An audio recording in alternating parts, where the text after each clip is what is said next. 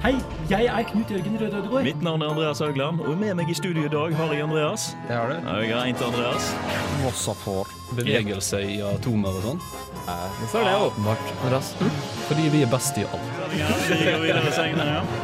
Faktisk. Faktisk, faktisk. Korallrevene. Ringkorallrev. Maur lever samtidig som dinosaurene. Det er egentlig kjedelig, men I'm James Randy, and you're listening to Unillustrated Science. Science isn't about why, it's about why not. I denne ukas sending av Uillustrert vitenskap skal vi snakke om flere av de mange spennende romprosjektene som er sendt opp fra jorda for å studere andre planeters overflater og atmosfærer, nemlig Mars-utforskerne, roverne. I'm James Randi, and you're listening to Unillustrated Science. Hallo, hallo, hallo, og hjertelig velkommen til nok en sending av Uillustrert vitenskap. Mitt navn er Andreas Haugland, og jeg skal losse dere trygt gjennom denne sendingen som vanlig. Med meg i dag har jeg eh, Håkon. Yes, endelig! Eh, endelig. Jeg har en Andreas. Det har du. Jeg har en til Andreas, Å, ja faktisk. og så har vi Martin som vanlig. Ja. Dessverre. Nei, i, dag. I dag skal vi nemlig snakke om eh, romsonder og eh, ikke minst stort sett Mars. Ja. eh, utforskerne. Bare, bare Mars. Bare Mars, ja. egentlig. Ja. Små, små Vi skal små ting. snakke om Viking 1 og 2 og Soldier Soldier Soldier? Soldier. Soldier Boy. Eh, Soldier. Spirit of Curiosity Nei, Spirit Opportunity og Curiosity. Og så skal eh, vi snakke om Snakke litt om noen som feilet, sånn som Beagle 2 og um, Deep Space mm. ah, 2. alt, alt Russland har sendt opp. Og. Mangt og meget, ja. Ja, nei, Vi skal straks få da høre om Viking 1 og 2, men aller først så kommer Bright Lights av ingen andre enn Slutface. Jeg er Aksel Tidemann. Jeg jobber som forsker på kunstig intelligens ved Telenor Research, og du hører på uillustrert vitenskap. Ja, som sagt, du hører da på Uillustrert vitenskap her på Radio Revolt. Ja, eh, vi skal da eh, en tur til, ikke til vikingerne, men eh, vi skal høre om Vikings. Viking 1 og 2. Ja, stemmer. stemmer. Jeg, jeg syns personlig at dette er den absolutt kuleste kul, kuleste rom som blir sendt opp. da Ja, det er ikke fordi du, det er du som snakker om men faktisk Jo, fordi kun for det jeg prater om. det, Men jeg har det kuleste navnet. da Ja, ja, ja, Absolutt. ja, absolutt. Men uh, de er da et prosjekt fra 1975. Da ble begge to sendt opp. Uh, de ble sendt opp uh, Viking 1 ble sendt opp 20. august 1975, og Viking 2 ble sendt opp eh, 9. september.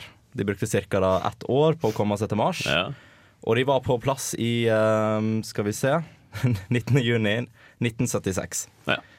Um, det som var litt kult med disse, her var at de var ikke, det var ikke kun et landingsfartøy. Det var delt opp i to. Mm. Um, den ene skulle gå i bane rundt Mars for å observere, og den andre skulle lande da, for å ta prøver og ja, sjekke ut hvordan eh, overflaten på Mars var. ja. Um, det som òg var litt kult med dette, var at det var basert på et veldig tidlig Voyager-prosjekt, som de kalte det, i 1968. Så ikke må forveksles med, med Deep Space eh, Voyager. Mm. Um, og de landa på det som heter um, Kryse Planita, uh, som er et sted på Mars. Jeg kan ikke hele Du kan, kan, kan kan, hele geografien på Mars? Uh, Men det er også kjent som da, The Planes of Gold, Ah. som er litt stilig. Um, en av de tingene som var veldig revolusjonerende med dette prosjektet, det var at de var de absolutt For det er jo USAs prosjekt, dette her. Ja, NASA sitt. Ja, stemmer. ikke privat. Nei, det er det ikke. Eh, de var de aller første som klarte å lande trygt på, på Mars. Og de var de første uh, Viking 1 da, som var det absolutt første til å sende høydefinisjonsbilde tilbake til jorda. Ja, eh, og høydefinisjonsbilde da, altså Hvor, hvor høydefinisjonsbilde er det? Det var vel i farger, kanskje. I farger. Potet 2. Det tror jeg. Eh, så det var jo egentlig da grunnlaget for all informasjonen som de hadde Eller den viktigste informasjonen som de hadde på Mars Ja. uh, fram til 1990. Det er sant? Mm. Uh, men de var jo ikke der kun for å, for å ta bilder. Nei, nei, De hadde jo med seg uh, en del utstyr som skulle ta prøver, da, kjemiske prøver, og sjekke om ja, at det var liv på Mars. Det var jo det de var veldig interessert i. Mm. De fant da ut at det ikke var det, Nei. så det var litt kjedelig. Um, men det de lærte, det var at um, Mars var selvsteriliserende. Av all, ultra, ultrafiolette strålingen som var der, og pga. på grunn av at Mars er så tørt. Så det er da fordi på en måte atmosfæren ikke fanger opp uh, all UV-strålingen som kommer? Eller? Ja. Det var en blanding av det, og av at uh, ja, Mars er såpass tørt at det var Ja. det viste i hvert fall ingen ja, former for liv da, i nærheten av landingsfartøyene. Nei, nei, akkurat. Så det er litt kjedelig. Men uh, det er nå litt greit å vite. Eh, men de var der mye, mye lenger enn planlagt, for hele den Hele den øh, Hva er ordet jeg leter etter? Seansen Seansen. Sure, det funker. Eh, skulle egentlig bare vare i 90 dager. Men den varte faktisk så lenge som i hvert fall Viking 1. da Den varte helt fram til 1982. Oi. Så fra, um, ja, fra 90 dager til seks år. Da har du fått litt, da, ja, du har fått litt penger fra prosjektet. Nei, det er ingenting i forhold til Opportunity og Spirit. Ja, men du får masse mer penger ut fra det som det er sånn battle of the, battle of the, the drones eller noe. Så vi- Rover. Ja, mine er bedre enn dine. Mine, rover er bedre enn. Mine bare krasja. Hvordan, hvordan fikk de navnet Viking? Er, er det fordi vikingene måtte utforsket mye og Vet du det? Eh, nei, det vet jeg faktisk ikke, men det, det virker veldig logisk. Siden de liksom, vikinger dro fra havn til havn og plyndret og drakk og alt de gjorde. Kanskje det var det egentlig roveren endra på på Mars. Lette noen space babes. Bring them home. Det var egentlig liv på Mars, men han ville ikke si noe. Det Nei. skulle være gøy. Uh, og, men den, den delen av, av romfartøyet altså, som skulle gå rundt Mars, den endte jo også opp med å vare mye lenger enn det han skulle gjøre. Ja. Han endte opp med å gå 1489 ganger rundt Mars før, eh, før han mista signalet. Ja. Så det, det syns jeg er litt kult. Eh, og, men egentlig det som er grunnen til at han holdt ut så lenge, er for at han har det som heter um, um, termoelektrisk generator. Som vil si at uh, han får energi ifra at plutonium brytes ned. Ja, altså, ja. Ja. Og det er jo ganske vanlig teknologi som fortsatt brukes. Det brukes veldig en, Mm. i de fleste romprosjekter ennå, så vidt jeg vet. Og så er det på grunn av at de ble jo introdusert Det var første gangen de tok i bruk det som heter bioskjold. Mm. Uh, og så hadde jo han i tillegg varmeskjoldet sitt da, for å beskytte. Ja. Uh, og han ble jo da sterilisert denne her i, um, i syv dager før han skulle sendes opp på Ja. 120 grader. Bare sånn konstant for at uh, ja, for han skulle beskytte dem mot Skal ikke ta med seg noe fra jorda heller til mm. andre steder. Mm. Ja, altså Det som er interessant, da, måten eh, Viking 2 slutta å leve, det var under en eh, software update. Så skjedde en liten menneskelig feil som gjorde at uh, antenna trakk seg tilbake, og de Ja, kontakt. du må aldri, aldri på romfartøyer så må du aldri drive med softwareoppdatering. For det, det er, er ingen måte å teste det ut på. Note til alle som hører på, ikke tull med software. Nei, nei, nei. Ikke last opp Matlab-skrifter til eh, Curiosity. Kom igjen. Jeg bare venter til Curiosity blir opptatt til Windows 10. Eller, er Automatisk. så- ja. Ja. Nei, eh, vi skal da eh, straks få høre litt grann om et annet prosjekt som heter Sojourner. Sojourner. Eh, men aller først, så nå kommer Oktober av Kappekoff. This is Alan Moore, and you're listening to Unillustrated Science. I alle oppdagelser finnes en pioner. En som var der først, en som gjorde det først, en som opplevde det først. Jeg skal nødvendigvis ikke snakke om pioneren i dag, men heller den som kom etter, i vårt tilfelle over 20 år seinere. Sojourner var kanskje ikke den første roveren på Mars, men han var den første fullt fungerende roveren på Mars. Den landet 4. juli 1997 på Mars' overflate.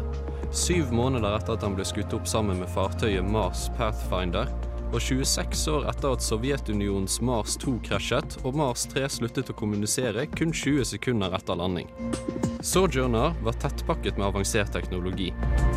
To svart-hvitt kamera og ett fargekamera. Alle med en oppløsning på 0,3 megapiksler og utviklet av Kodak. Fargekamera kunne se grønn, rød og infrarød, men slet litt med blått. Alle kameraene var styrt av roverens prosessor. Roveren var også utstyrt med et slik et alfa-proton-røntgenspektrometer som kunne analysere komponentene som bygget opp steinene på Mars. Sammen med kameraene kunne den analysere geologien på Mars i et spenn fra flere hundre meter til bare noen få millimeter. Ganske imponerende for en 10 kilos boks med hjul, spesielt i en tid der Windows 95-en vår kunne slite med minesveiper og e-posten slo ut hustelefonen. Batteriene til Sojourner var ikke oppladbare, men den hadde solcellepaneler, som igjen betydde at den kun var operativ på dagtid. Roveren skulle kun være operativ i noen uker til en måned, men det tok nesten tre måneder før den stoppet å kommunisere, og oppdraget sluttet 27.12.1997. Den hadde da kjørt en strekning på ca. 100 meter, en distanse som skulle mangedobles ved senere oppdrag.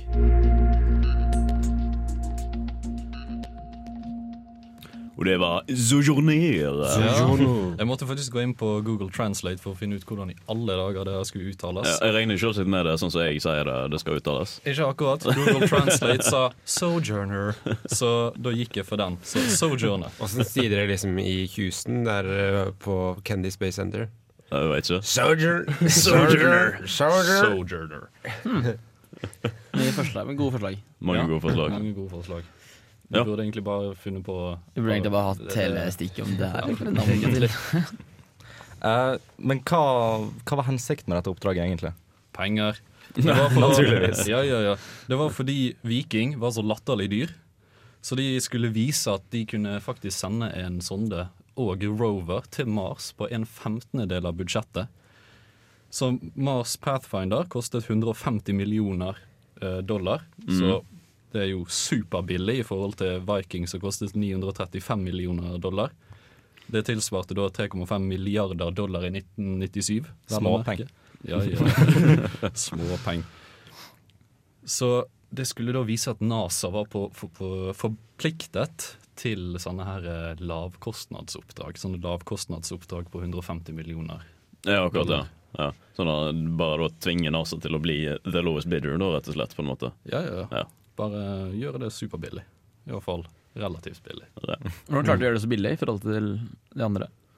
Jeg vil tro i hvert fall det har mye med at det det er ikke det første prosjektet. Det er ikke et pionerprosjekt Nei, lenger. Så de har masse data og research og alt sånt, så de, Mm. de trenger ikke så masse i utviklingsfasen. Nei.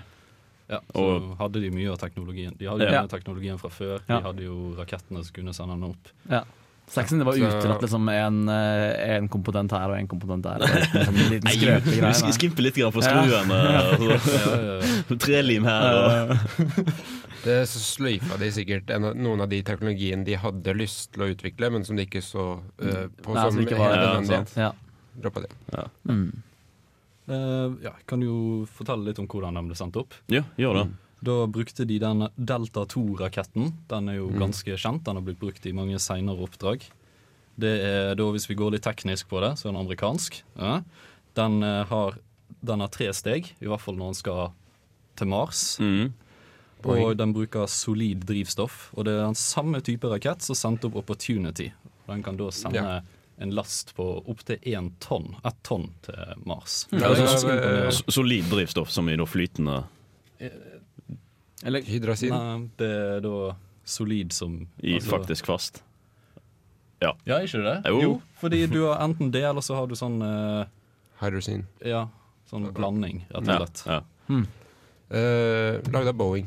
Ja. Høyde Boeing, Mm. Ja, Alle merker. Og så kan vi jo da, Den sendte, ble jo sendt sammen med den proben, Pathfinder, Mm. Mars Pathfinder. Den hadde jo et stereoskopisk kamera og utstyr til å samle opp meteorologisk data. Ja. Så da fant de ut litt om været på Mars. Det er jo fint å kunne. Mm. Kan hjelpe astrologene skulle jeg si, eh, forskerne ved NASA til å ha smalltalk om eh, været på Mars. Ja. Vi kan jo også gå inn på Sojourner, er oppkalt etter Sojourner Truth, som var da en, eh, en sånn abolisjonist, det er de som er mot slaveri, vel å merke, Ja, på 1800-tallet, og hun var kvinnerettighetsforkjemper. akkurat. Oi, de var tidlig ute, altså. Med, Tidlig ute, tidlig ute. De de var tidlig ute med romsonder. ja. Nei, Oppgaven en kvinne, ikke sant? Eller for en, en mann. Det var en kvinne. Det var en kvinne, ja. Det var en kvinne. Ja. Og vi kan jo en fun fact til. Eh, hvis dere har sett The Martian, eller lest boken The Martian, Ja. så skal han jo finne en sonde der, fordi han skal jo opprette kontakt med jorden. ja. Og det Da, det er Sojourner, eller Mars Pathfinder, han Ja. da graver opp. Akkurat, ja. The more you know. Yes. Ja, eh, vi skal da videre til noe kanskje Det jeg kanskje vil påstå er det mest spennende eh, Nei, faktisk ikke. Det er ikke det mest spennende. Det er det mest spennende. Det er det nest, spennende, nest mest spennende. Mest spennende. Nest mest spennende. Vi skal nemlig høre om eh, Spirit og Opportunity-roverne. Eh, Men aller først her på Radio Revolt på Illustrert vitenskap skal du få høre Sinte unge menn av Honningbarna. Hei, jeg er Knut Jørgen Røde Ødegård. Du hører på Uillustrert, som er eh, like kraftig som en supernova, eller kanskje en hypernova. Like vakkert som en stjernehop, og like spennende som en Venuspassasje. I januar 2004 landet de to roverne Spirit og Opportunity på Mars etter å ha beskyttet med Delta 2-raketter syv måneder tidligere. Disse var en del av prosjektet MARE, Mars Exploration Rover. De skulle utforske geologien til Mars og finne spor av det som kunne ha vært vann en gang. De var begge beregnet til å vare i ca. 100 dager før de sluttet å fungere. Historien jeg skal fortelle nå, er utrolig spennende. Det er historien om de to roverne som nektet å gi opp.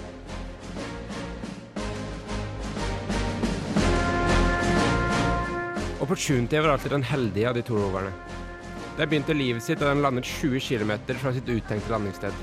Rett ved en stein som bærte spor av vannformasjon. Altså, ved landinga dens så fullførte den halve oppdraget. De ble så sendt på en kilometer lang kjøretur videre til Endurance Crater. Teamet mente det kunne være risikabelt å kjøre ned i krateret, og var redde for at den ikke skulle komme ut igjen. Men til tross for en helning på 30 grader kom den seg trygt ned i krateret, som den utforsket i seks produktive måneder, før den kom seg trygt ut igjen. Så ble den sendt videre for å utforske varmeskjoldet som hadde hjulpet den gjennom atmosfæren. Her var Opportunity nok en gang heldig, for på veien fant den en meteoritt. Dette er den første meteoritten som noen gang har blitt funnet på en annen planet. I måneden mars 2005 sto Opportunity-rekorden for lengste avstand reist av en rover på én dag. 219 meter. Og med tanke på hvor uh, trege rover er, så er dette ganske langt, faktisk. Men rett etter dette satte den seg fast i en sanddyne i nesten tre måneder. Den rikket seg sakte ut av denne et par centimeter om gangen før den endelig kom seg ut. Den ene armen til roveren var også skada på dette tidspunktet, og i et siste desperat forsøk på å redde armen, sluttet de å gjemme armen på natta, og roveren måtte holde armen ut foran seg, som en uh, blindet person som prøver å ikke snuble inn i ting. I 2007 hadde den allerede overskredet lengde av oppdraget sitt med nesten tre år. De er nå fanget i en av Mars sandstormer, og sollyset ble redusert med 99% Se starten av filmen The Martian for å se hvor ille sandstormer kan bli på Mars. Som et resultat av stormen var solcellepanelene dekket av sand, som ga den store problemer med å få tilgang til strøm.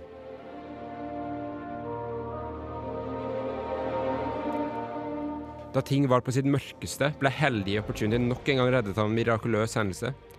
Dust Devils, små virvelvinnere i sanden, renset solcellepanelen hennes, og den kom tilbake til nesten 100% energi. Siden det har Opportunity fortsatt sitt utrolige oppdrag på Mars. Den går nå i dvale hver vinter, fordi det fins vinter på Mars også. Men hver vår fortsetter den sitt maraton, og den er fortsatt aktiv på Mars den dag i dag hele 13 år lengre enn den egentlig skulle ha vært.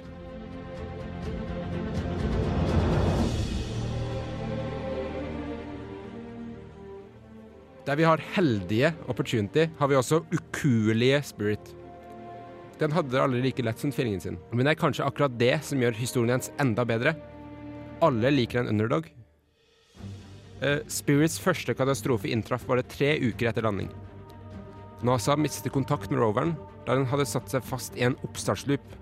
Altså hver gang den skulle starte opp, gjorde en software-feil at den startet opp igjen og igjen og igjen. Men med noen smarte datamanøvrer og ved å slette deler av minnet dens, klarte de å starte den opp igjen. Spirit hadde også alltid problemer med et av forhjulene Spirit hadde, Spirit hadde også alltid problemer med et av forhjulene dens, og etter hvert sluttet hjulet å funke fullstendig. Dette gjorde at jeg måtte begynne å kjøre i revers, mens jeg dro med seg hjulet langs overflaten til planeten. I 2009 satte den seg som Opportunity fast i sand, men dette var eh, jernsulfat, som er en mye mykere sand enn den eh, Opportunity satt i. Og dette var altså mye, mye vanskeligere å komme seg ut av. Etter utallige desperate forsøk på å få den ut, måtte NASA gi opp, og Spirit ble erklært en stasjonær forskningsstasjon. Noen måneder etter dette mistet NASA nok en gang kontakt med Spirit, men denne gangen klarte de ikke å gjenopprette den. Etter 1300 datainstrukser ga de i 2011 opp og erklærte Spirit død. Men husk at den også klarte å leve hele seks år lenger enn den egentlig skulle.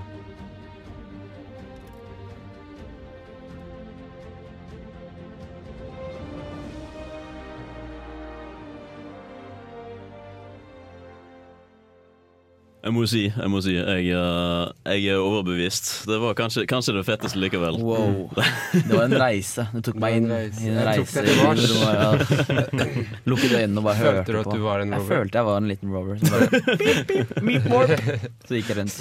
Så for meg uh, dette her kunne vært en veldig veldig bra episk film som forteller historien om uh, Ja, men Opportunity. problemet er at Rover kjører sånn to centimeter Eller de kjører to centimeter. Ja. Venter på en sånn kommando fra jorda. Så tar det 18 minutter liksom for en uh, Kommer. til å reise, og så liksom ja, flytter han seg litt til. Så Den lengste filmen. Det er sånn 24 timers kinomaraton, og så får du bare sett sånn Du kan, du kan ikke gjøre det sånn minutt for minutt eh, bare Mars. Curiosity. NRK. Men det, det jeg ikke skjønner helt, er Som du sier, de skulle ikke være der oppe så lenge. Eller skulle ikke holde på så lenge. Hvordan Mm. klarte de å overleve? Hvordan, hvordan ja, liksom, Komponentene og sånn, var de bygd for å holde til det været og det klimaet? Altså, er det energien de bruker? Er det solenergi? Eller? Nei, altså, det jeg tror da om Rover, det er at eh, når de sier hvor lenge en rover skal leve, Tro kan gjøre kirka så er det hvor lenge han skal ha på å gjøre hovedoppdraget sitt. Ja, og det, så- det, det, det er det som er satt av som minstetida den skal Ja. operere, Mm. rett og slett. Eh, men det jeg nevnte en gang innen der, da, det er at eh, eh, et problem for begge var at solcellepanelene deres hele tida ble uh, skitna til. Bare ved å kjøre vanlige eller ved sandstormer. Ja. Men eh, en ting som eksempel eh, Ganske tidlig i oppdraget så hadde NASA teoretisert at det finnes sånne dust devils på Mars. Det er sånne små virvelblinder som flytter seg Ja. bortover sanden. Sånn som du ser på tegnefilmer i ørkenen Ja. og sånt. Ja, og så har de sett noe sånt, da. Eh, tenkte jeg bare, Det var en kul ting vi hadde sett. Men eh, etter eh, Dette skjedde to ganger for eh, Opportunity og tre ganger for Spirit. Mm. Det skjer fortsatt hele tida, egentlig. Det er at når solcellepanelene eh, begynner å få mye sand på seg, og de får mindre og mindre energi fra sola, så kommer en av disse forbi og bare blåser av uh, sand på solcellepanelene. Noe som perfekt tima, rett og slett. Ja, Så det funker veldig bra for uh, det. Ja. Mm. Da fikk jeg litt svar på det. Men likevel så syns jeg det er vanvittig kult Ja. at det går an. Jeg skal snakke om uh, Curiosity etterpå, og der får vi vite litt om eh, Kanskje noen også sånne, sånne rovere har en liten børste også, kanskje? De kan bruke. Ja, Mm, noe som de har tenkt på det. Ja, i ettertid. Ja.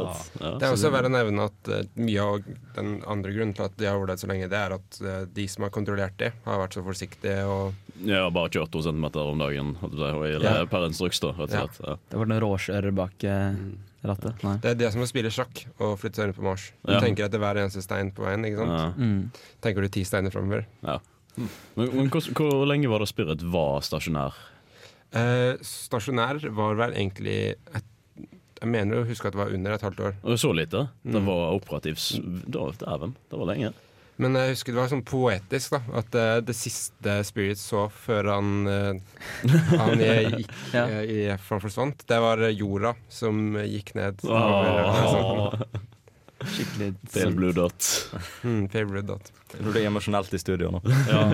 vi skal takke Altså, det ene problemet med Spirit, det var at beinet det var løst. Ja.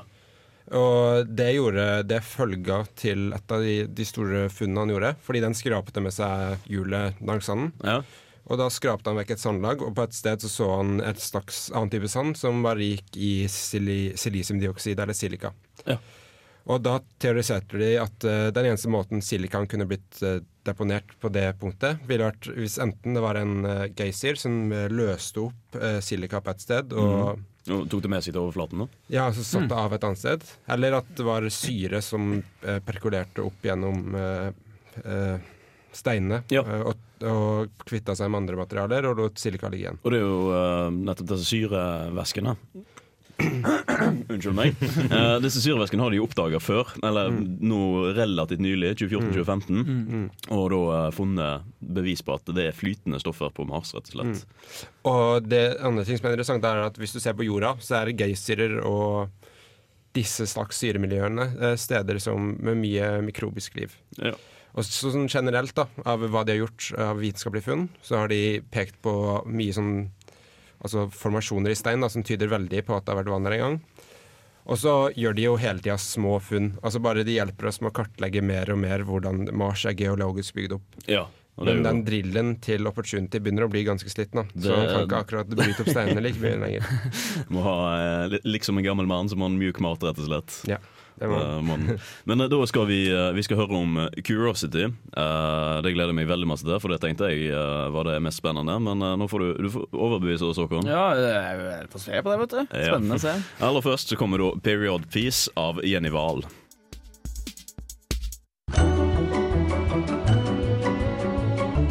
Du hører på uillustrert vitenskap på Radio Revolt. Nå med alle Andreasene du trenger, pluss to til.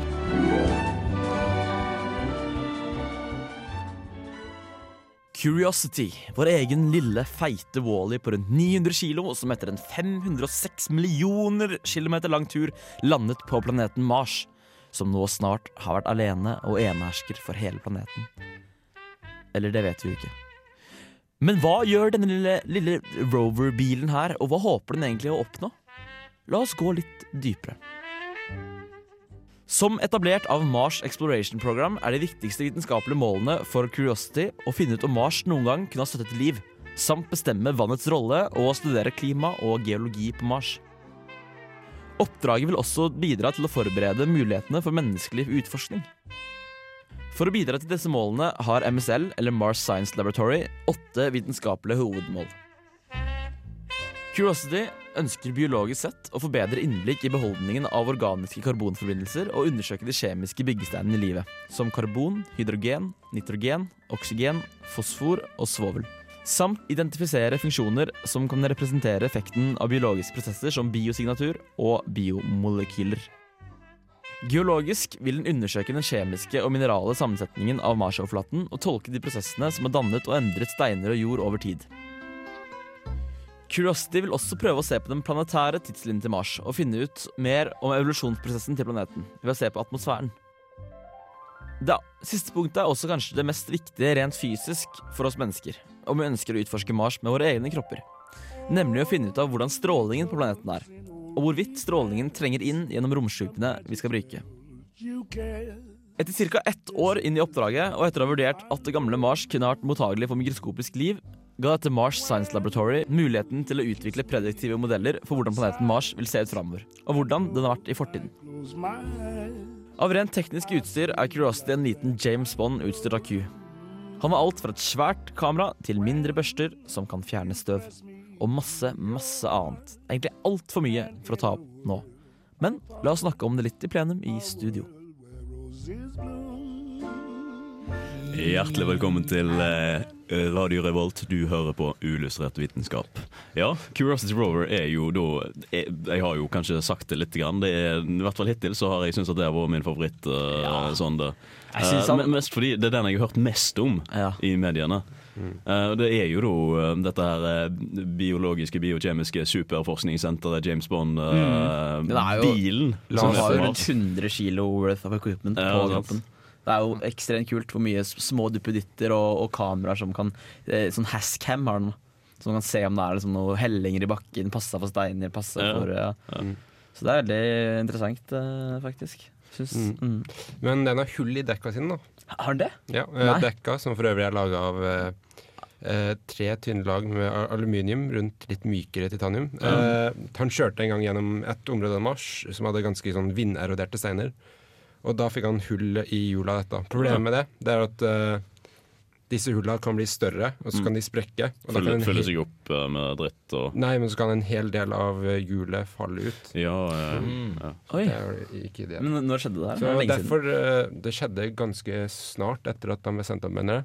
Oh, ja, okay. Men uh, av den grunn, så siden de, de, den har fått disse hulla på de midterste hjula og forhjula, så kjører han akkurat sånn som Spirit gjorde, i revers. Nei, ja, i revers.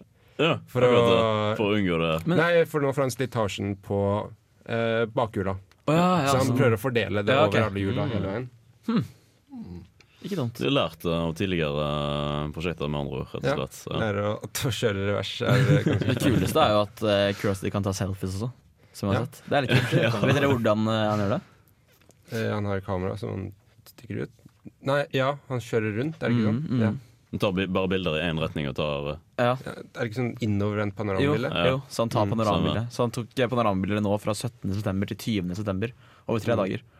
Så kanskje den lengste selfien eh, som er tatt, eh, tok, eh, tok litt tid. Ja, men Det er jo det som er utrolig kult, da Fordi da får du ikke bare se bilder av Mars, får du også se roveren på Mars. Du putter Mm. på en måte et ekstra perspektiv for det. Ja.